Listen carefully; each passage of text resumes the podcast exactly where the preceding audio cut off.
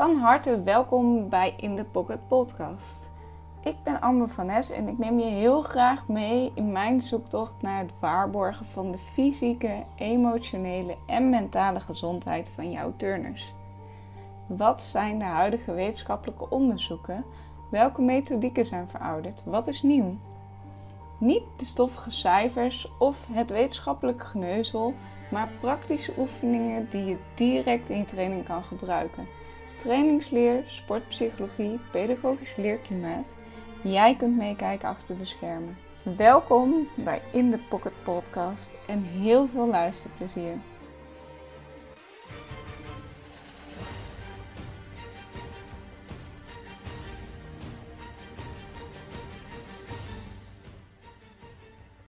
Um, Amber, we zitten hier nu bij elkaar omdat we uh, in jouw podcast zitten. Uh, kun je iets vertellen over waarom, we, uh, waarom heb jij een podcast opgericht? Waarom zitten we hier samen? Ik ben in de Pocket Podcast begonnen zodat, een platform of zodat er een platform is voor turntrainers om naar te luisteren. Wat ik nu merk is als ik zelf op zoek ga naar een podcast, dat het vooral in het Engels is. En um, meestal ook niet heel erg aansluit bij de trainers hier in Nederland. Er bestaat bijvoorbeeld een podcast die gaat over alle wedstrijden in Amerika. Ja, dat is heel leuk, maar ik ken de helft van die mensen niet. Laat staan, ik ken waarschijnlijk 99% van die mensen niet. Mm-hmm. En dat is dus niet echt interessant om te luisteren. En er zijn wel een aantal hele interessante podcasts om te luisteren. Eentje over uh, bijvoorbeeld biomechanica achter turnen. Dat vind ik super interessant. En uh, er is er een die um, vertelt heel veel over de fysiotherapie achter turnen. Dus hoe ga je daarmee om? En uh, er is er ook één over voeding, wat ik heel interessant vind. Uh, maar ja, er bestond nog geen Nederlandstalige turnpodcast hier in Nederland. Dus ik dacht, ja, laat ik er één beginnen. En ik vond het in het begin super spannend, want ik dacht, ja, wie moet ik dan gaan vragen en waar moet ik het dan over gaan hebben? Ja. En uiteindelijk heb ik gewoon de stoutschoenen aangetrokken, ben ik naar een paar trainers gegaan, naar een paar collega's van mij. Ik heb gewoon gezegd, joh, ik wil dit gaan doen. Zou ik het leuk vinden om een uur met mij te praten over turnen? Mm En tot nu toe heeft eigenlijk iedereen ja gezegd. Vond iedereen dat ook super leuk om te doen. En ik merk dat er veel mensen enthousiast uh, over worden. Ja. Ik hoor je zeggen dat, je, dat er verschillende podcasts zijn en dat je de mensen uit Amerika niet kent. Wie is dan jouw doelgroep hier? Of wat, welk, met welk doel zet jij deze podcast dan op? Uh, ik heb deze podcast gestart voor ja, de niveau 2 en 3 turntrainers. Uh, ja, het liefst gewoon de mensen die dit net zoals ik echt als passie hebben of als hobby hebben. En die denken van ja, ik geef nou training, ik heb mijn licentie gehaald, maar ik ben eigenlijk nog net op zoek naar iets meer. En ik heb geen zin om eindeloos over internet rond te struinen. Maar ja, ik kijk gewoon naar een onderwerp van een podcast. Denk, oh, dit lijkt me wel interessant om naar te luisteren. En dat ze die dan gewoon luisteren. En dat je dan iemands mening daarover hoort. Die ook weliswaar wetenschappelijk onderbouwd is. Waar je ook daadwerkelijk iets mee kan in jouw eigen training. Oké, dus is dat dan een soort van klankenbord wat je hier neer wil zetten voor trainers? Uh, als je het zo wil noemen. Of dat ze uh, meer kennis kunnen opdoen? Of wat, wat wil je dat, uh, dat mensen. waarom gaan mensen naar je podcast luisteren? Ja. Nou ja, wat ik zelf heel erg merkte is dat ik een aantal dingen binnen mijn eigen trainingen doe die voor mij heel vanzelfsprekend zijn. En waarvan andere mensen denken: Goh, dat je dat doet, oh wat leuk. Of Goh, daar heb ik nog nooit bij stilgestaan, waarom doe je dat eigenlijk? Terwijl ik dan denk: ja, dat vind ik heel normaal om te doen. En zo heeft denk ik elke trainer zelf een trucje in de training of iets waarvan die denkt, ja, dat vind ik eigenlijk super normaal om te doen. Maar dat vinden andere trainers dus heel interessant of, of, of leuk. En daarmee creëer je meer diversiteit in je trainingen. En zo heb je dus eigenlijk een podcast van trainers voor trainers. Oké. Dus ja, dat we gewoon van elkaar kunnen leren. Want op een laagdrempelige manier wil je dat mensen eh, eh, ja, dus hun, tips en tricks met elkaar delen. Ja, ja, want in een podcast die zet je gewoon aan in je auto naar je werk. En dan ja, probeer ik de podcast één uur te houden. Dat je hem gewoon kan luisteren. En dan heb je hopelijk iets geleerd. En als je niks hebt geleerd, dan heb je hopelijk een leuk eh, gesprek gehad. Ja. Ehm, kun je iets over jezelf vertellen als, eh als turntrainer en misschien jouw weg er naartoe? Eh, ja, natuurlijk. Ehm, ja, ik ben denk ik net zoals iedereen begonnen als eh, meisje in het turnen zelf. Mijn, mijn moeder heeft geturnd en mijn oma heeft geturnd. Het zat wel bij ons in de familie. Maar mijn mo- moeder heeft eigenlijk altijd gezegd: nee, je mag niet op turnen, want daar krijg je later heel veel last van. Mijn moeder heeft daar best veel last van gehad tijdens eh, haar zwangerschap en het krijgen van mij en mijn zusje. En ze zei: ja, ik wil niet dat jij net zoals ik ook ja, lichamelijke klachten gaat krijgen als je ouder wordt. Ja. Dus ik vind het eigenlijk niet zo fijn dat je gaat turnen. Zij zag vooral de nadelige effecten van turnen. Ja, dus het was eigenlijk zo van ja, ik wil niet dat jij op turnen gaat.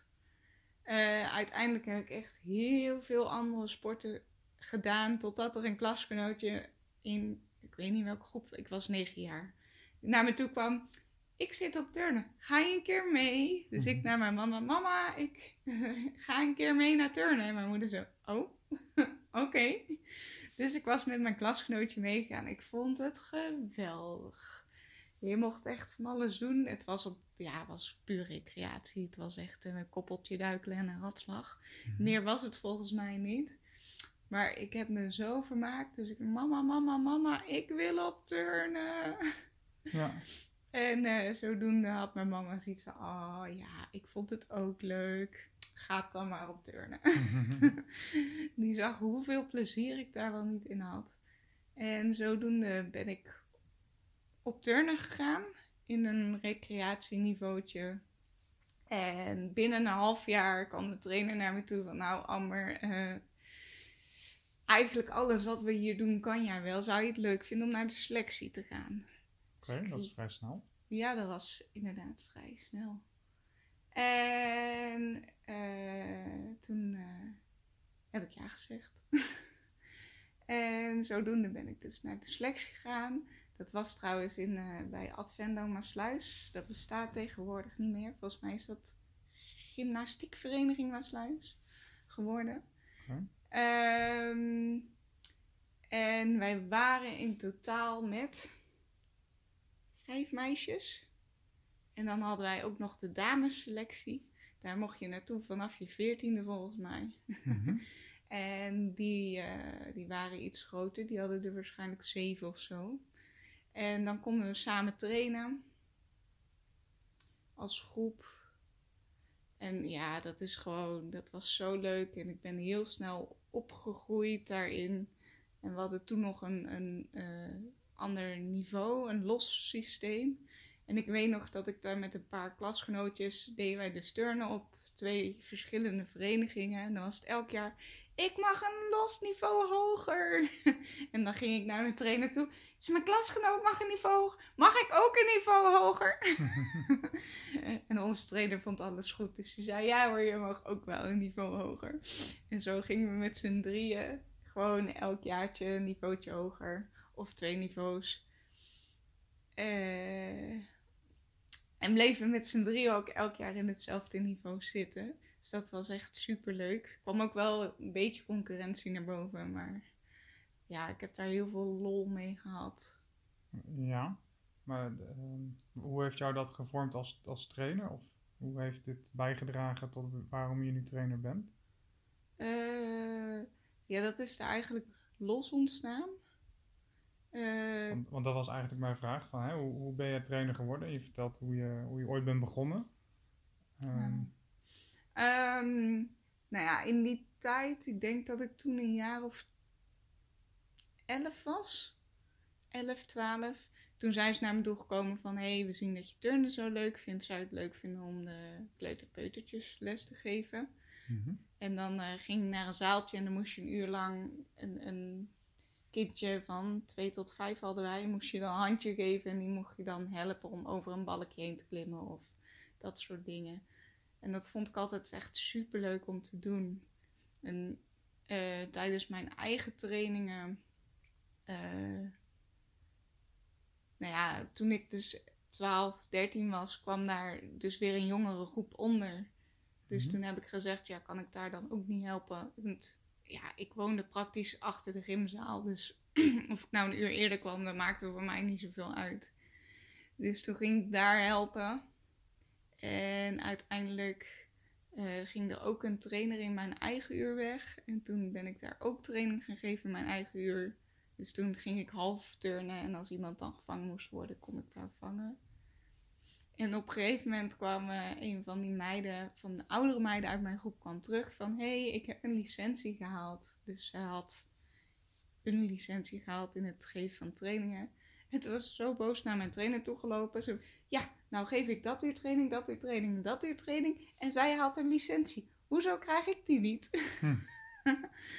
toen zei ze, oh, oh, wil je dat dan? En, eh, dus toen hadden ze geregeld dat ik met de grote meiden mee mocht licentie halen. Oké. En eh, dan ging er altijd een autootje vanuit, eh, vanuit mijn sluis naar, weet ik veel, Vlaardingen of Schiedam, waar die, waar die cursussen gegeven werden. En dan degene die de cursus gaf, kwam van onze vereniging af. Dus dan mocht ik met hem meerijden. en zodoende had ik daarna mijn licentie gehaald. Maar eigenlijk op het moment dat ik mijn licentie haalde, ging ik verhuizen. Mhm. Toen Dus je ben- bent eigenlijk als eh, erin gerold. Ja, Ja.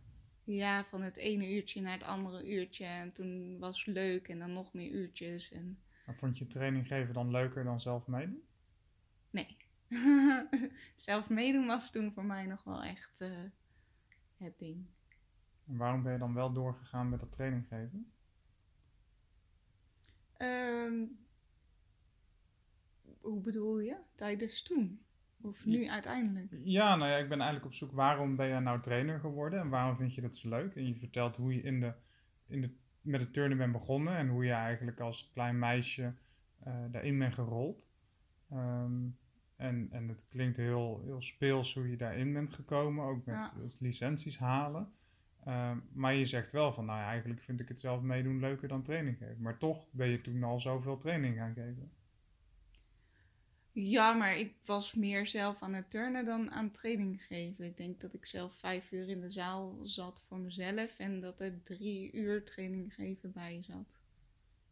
Dus je stond Dus- acht uur per dag in de zaal, Per week. per week. Ja. Ah, zo. Oké. Ja, klopt. En eh, aanvankelijk ben ik dus verhuisd. Toen moest ik stoppen met turnen. Mhm. En toen hebben mijn ouders, toen kwam mijn moeder haar angst van turnen toch weer naar boven. En toen zei ze van nou, ik, eh, ik ga er niet meer voor betalen. Dus als je wilt turnen moet je het zelf betalen. Wat ik niet kon als vijf- 14, 15-jarig meisje. Want ik had wel een baantje als, als vakkenvuller, maar daar kon ik nooit... Daar verdiende ik nooit genoeg om het turnen van te betalen. Dus toen ben ik gestopt. En toen ik weer ben gaan studeren, ben ik daar begonnen met turnen. Want dat kon ik toen wel doen, zelf betalen. Hoe oud was je toen, toen je moest stoppen? 14. Oké.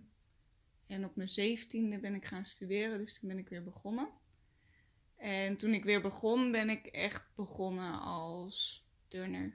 Gewoon voor mezelf lekker daarmee bezig zijn. En daar merkte ik, eh, ik ben daar op een gegeven moment bestuur gaan doen van een vereniging. En toen moest ik me weer gaan, meer gaan bemoeien met het training geven en zorgen dat er trainers waren en dat soort dingen.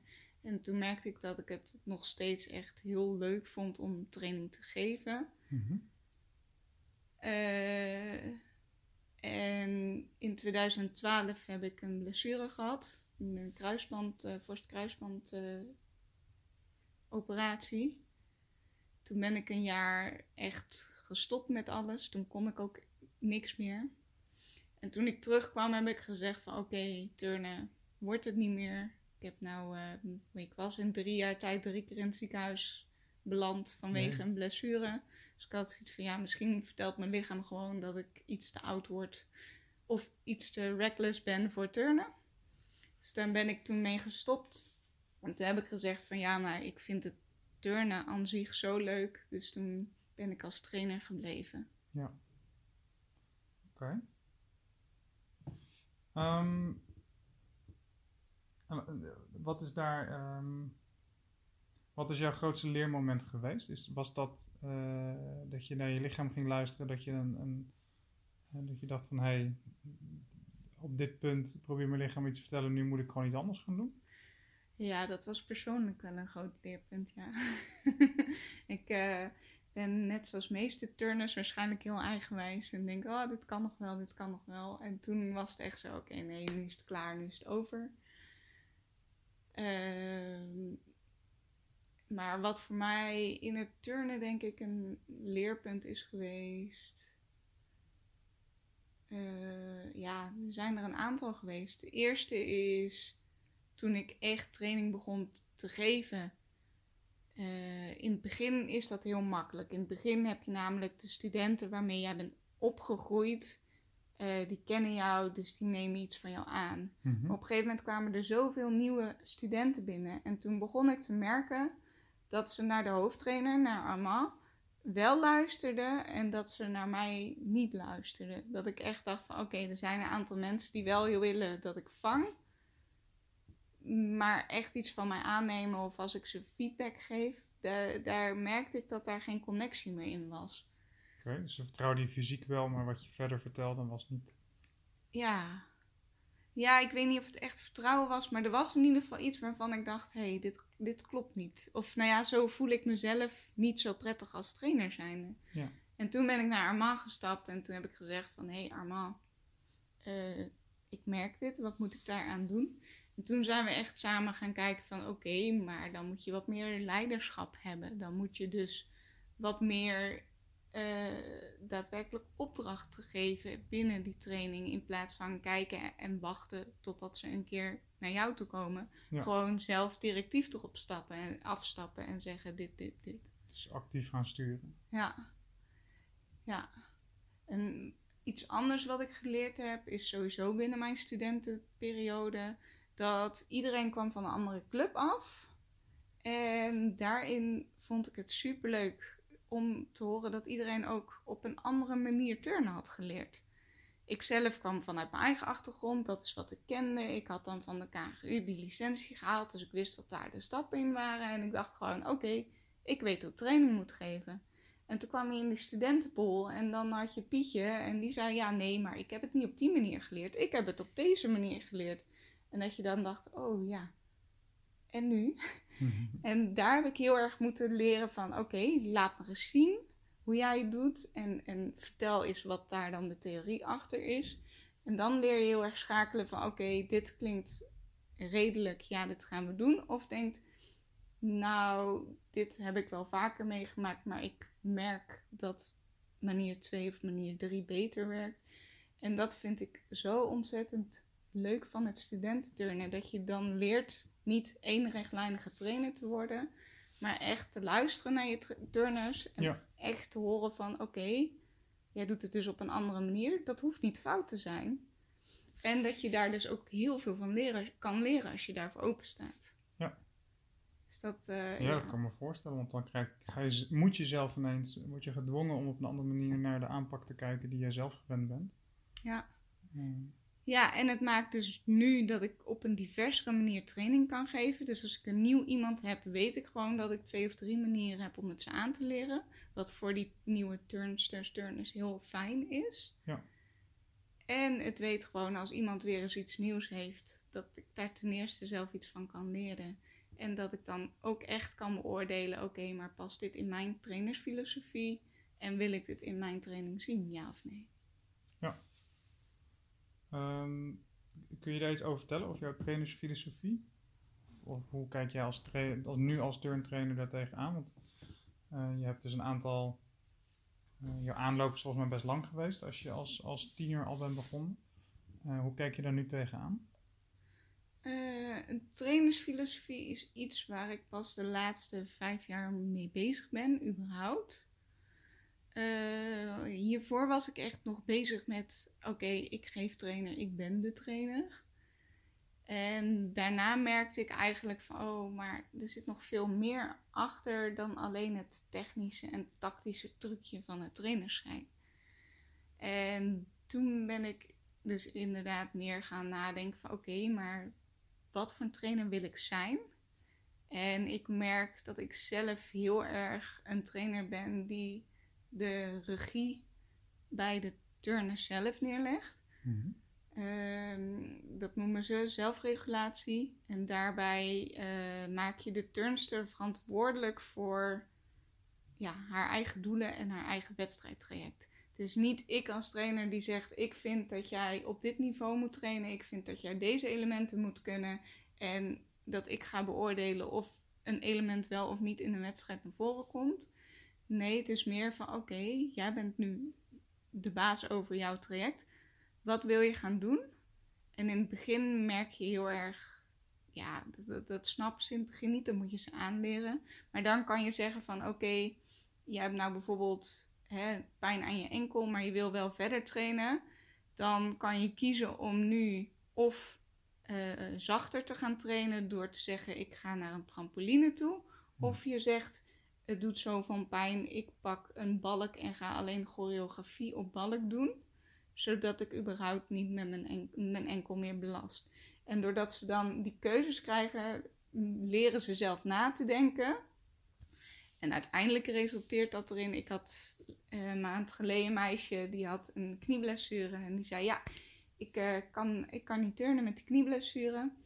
Maar ik ga op balk dit en dit en dit doen. Sprong sla ik over, want dat gaat niet. Op vloer eh, ga ik mijn choreo doen. En dan houden we.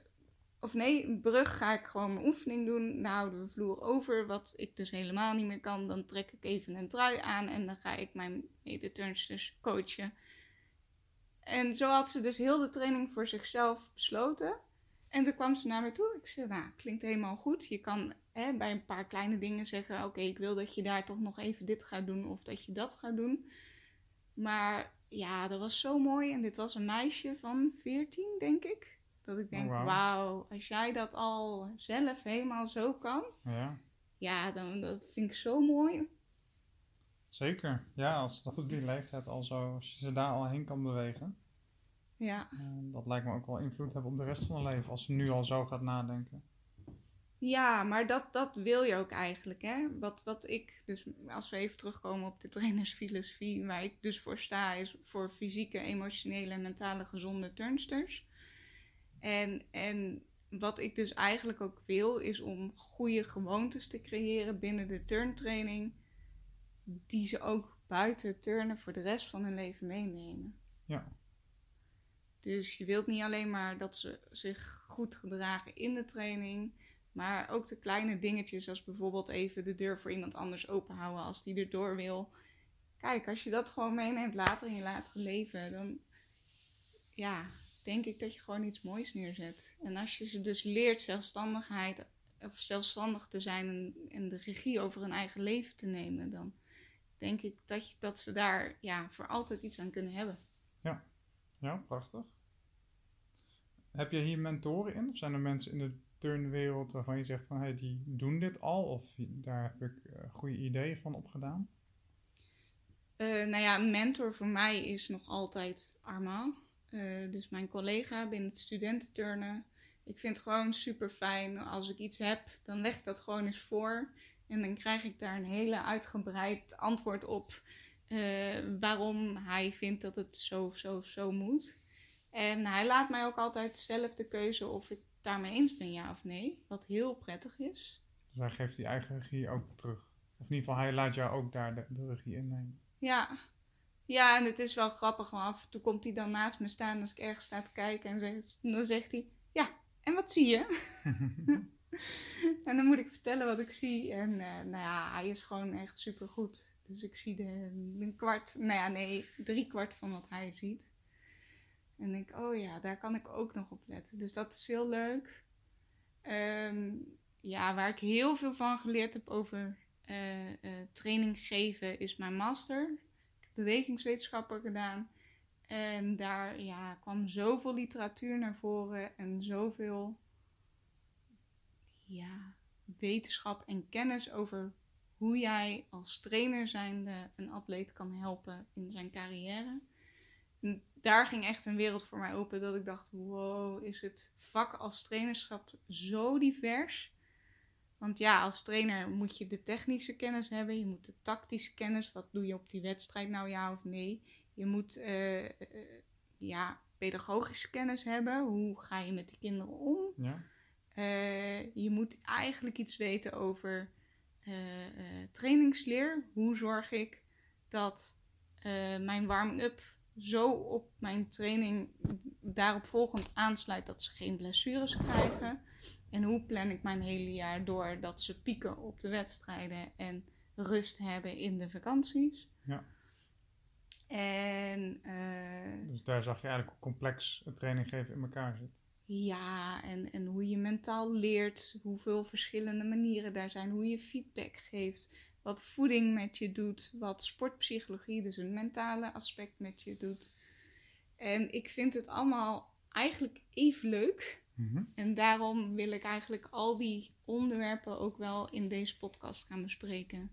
Dus Ja. het zal heel uiteenlopend zijn qua onderwerpen, maar het heeft wel allemaal met het trainerschap te maken. En is dat, ehm, is dat ook een voortvloeisel uit je, eh, uit je onderneming, uit trainersopleiding in de pocket? Dat jij eh, dit soort kennis daarmee wil delen of dit soort kennis misschien wil ophalen bij andere trainers, zodat je daar iedere keer weer puzzelstukjes van krijgt? Ja. ja, nou ja, dit heeft heel veel raakvlakken met wat ik doe in mijn onderneming. Vooral dus omdat ik daar een hele grote passie voor heb. En dat vind ik gewoon super interessant om te doen. En met een podcast, ja, stiekem is dat eigenlijk gewoon een eigen leerschool. Eh, je kan met allerlei experts kan je over een heel specifiek onderwerp praten. En daar leer ik net zoveel van als dat de luisteraars daarvan leren. Ja. Dus dat is gewoon heel leuk. En ja, de onderwerpen die we dus in de podcast aanraken zijn onderwerpen waar ik lezingen in geef of workshops in geef. Dus als, ja, als je daar interesse in hebt als luisteraar zijnde, dan eh, kan je mij gewoon mailen en dan kunnen we kijken of we daar eh, iets mee gaan doen. Ja. Want een voorbeeld is dat ik eh, vanmiddag dus met de KGU gepraat heb over een preventieprogramma voor eetstoornissen. En dat ik een bijscholing samen met de KGU gaat geven over hoe begin je een gesprek met turnsters over voeding. Mag je iemand aanspreken als die of te dik of te dun is? Eh, hoe beïnvloeden teamgenoten zichzelf of elkaar in, in de voeding? En hoe kan ik als trainer dus daar bijvoorbeeld iemand in beschermen? Ja, dat vind ik super interessant. En ja, ik vind ook dat dat allemaal kennis is die met iedereen gedeeld kan worden. En dat die topsport die kennis heeft, dat weten we allemaal al. En, maar ik vind het jammer dat die kennis daar blijft hangen. En dat dat juist niet gedeeld wordt met alle vrijwilligers in Nederland in de turn, eh, de, of, nou ja, in de turnwereld. Ja. Dan denk ik, ja, dit is voor iedereen net zo interessant en net zo waardevol. Ja. En hoe meer mensen, ja, dus die gezondheid, die fysieke, emotionele en mentale gezondheid in acht gaan nemen in hun trainingen, hoe meer turnplezier we kunnen gaan creëren en produceren in de turnwereld. Is, is dat ook jouw missie? Dat, eh, ja. Ehm, Oké. Hoe kijk je daar nu aan tegen, tegen al die niveaus? Want je hebt het over veel vrijwilligers die training geven. Hoe, hoe zie je dat nu terug? Wat is jouw ervaring daarmee? Hoe bedoel je? Ehm, alle trainers die nu vrijwillig, op vrijwillige basis training geven. Eh, je zegt er is heel veel kennis bij de topsport, maar mis je daar dan die kennis bij degene die vrijwillige training geven? Of? Eh, nou ja, om eerlijk te zijn is daar het niveau zo ontzettend divers. Eh, ja, wat je, wat je ziet binnen verenigingen is dat er sowieso veel trainers zijn van niveau 1 tot en met niveau 3. Dus niveau 1 die mag assistenttrainer zijn. Niveau 2 ook trouwens. Dat zijn ass- assistenttrainers die staan in de zaal. En die eh, staan met een collega training te geven. Dus die zijn echt nog bezig met het leren van de techniek. Die zijn echt nog bezig, oké, hoe werkt een overslag? En, en hoe ga ik dat vangen? Mhm. En, en bij niveau 2 leer je wat meer van oké, we hebben nou die, die overslag gevangen. Hoe kan ik daar feedback op geven? En hoe zorg ik dat mijn turnster daar nog beter op wordt? En pas bij niveau 3 leer je echt zelfstandig een hele training draaiend te hebben. En krijg je dus veel meer mee van oké, je moet daar een stukje didactiek in hebben. Eh, er moet eh, een warming-up bij komen. Ehm, ik moet in een jaarplanning, want we moeten naar een wedstrijd toe. Hoe doen we dat? Dus daar komt veel meer die diversiteit in terug. En wat ik nu nog een beetje jammer vind, eh, is dat je dus vanuit, je krijgt één keer zo'n zo'n training vanuit de KGU. En daarna moet je een aantal, moet je 16 bijscholingspunten doen. Dus dat zijn vier trainingen op vier jaar. Mhm. Eh, waarin je dus je kennis kan bijhouden. Maar die bijscholingen zijn zo divers. Want de KGU moet dat doen voor eh, eh, de, de, de dans, de ritmische gymnastiek, het turnen, het trampolinespringen, het acroturnen. Dat is zo groot eigenlijk. En die workshops zijn dus ook voor al die disciplines. Ja. En daarmee merk ik dat heel veel mensen, en ik zelf in het begin ook, gezondheid, Dank je. Eh, dat je om die punten gewoon maar naar iets dichtstbijzijnd gaat. En dan denkt, ja, dan ben ik er weer vanaf. Dan mag ik gewoon weer training geven en klaar. Ja. En dat, ik vond het toen best wel moeilijk om in die vier jaar iets bij elkaar te krijgen. Wat ik daadwerkelijk echt heel interessant vond. En dan moest ik af en toe echt naar Nijmegen vanuit Eindhoven of naar Amsterdam toe. Om interessante dingen te vinden. Ja, dus eigenlijk is het heel moeilijk om voor zo'n vrijwilliger, ook al wordt hij verplicht gesteld om zijn licentie up-to-date te houden, om daar dan echt de juiste kennis uit te halen die voor hem op dat moment eh, nuttig is. Ja, maar zelfs al zou je dus de juiste kennis eh, bij elkaar halen, dan is dat maar één keer in het jaar één onderwerp. Ja. Terwijl je als trainer, nou ja, ik, ik liet het net al, dat waren al een stuk of zeven onderwerpen wat je als trainer moet kunnen en kennen. Ja. En ik denk dat dat gewoon te weinig is. Maar ik snap dat dat niet meer gegeven wordt. Want hè, je bent een vrijwilliger. Je moet al die trainingen doen. Je moet die trainingen voorbereiden. Je moet naar de wedstrijden toe. Er zijn nog activiteiten. Dus je bent al zo ontiegelijk veel tijd kwijt aan überhaupt één clubje training geven. Dat ik ook snap dat je niet elke week dan ook nog eens een bijscholing wil doen. Ja. Maar daarom denk ik dat juist zo'n podcast is gewoon even luisteren wanneer het je uitkomt. En je bent toch iets anders aan het doen. Je zit of op de fiets of in de auto. Ja. Dan lijkt me dat wel een mooi medium om, om en meer kennis te krijgen in onderwerpen die eh, ik in ieder geval heel interessant vind. En ik hoop heel veel trainers met mij. Ja, helder. Nou snap ik waarom je. Waar, ja, waar het gat zit of waar jij denkt dat er een gat ligt en hoe je dat eventueel kan opvullen. Ja. Mooi. Dankjewel. Is er nog iets wat je. eh, eh, waar kunnen mensen jou vinden als ze vragen hebben of als ze zich misschien willen aanmelden als eh, gast in jouw podcast? Ehm, ja, je kan mij mailen naar amber.trainersopleidinginthepocket.nl Oké. Ehm, dus in de pocket is gewoon de naam van de podcast. En daarvoor staat dan trainersopleiding. Ja. Eh, mijn website is www.trainersopleidinginthepocket.nl Eh Daarin kan je dus vinden wat ik allemaal aanbied qua lezingen, qua workshops. Eh, ik geef sportpsychologische één-op-één coaching aan turners. Maar ik geef ook één-op-één coaching aan, aan trainers als ze daar in- interesse in hebben. Ehm, op dus de vlakken waar ik het net over gehad heb. Ja. Eh, ja, Eh, voor, voor de rest heb ik een Instagram en een Facebook, maar daar doe ik momenteel niet heel veel op. Daar ben ik niet zo actief op, maar hier zou die kunnen volgen. Oké, dankjewel. Is er nog iets wat we, wat we gemist hebben? Of eh, misschien iets wat, ja, wat niet gevraagd is, maar wat je wel graag wil meegeven?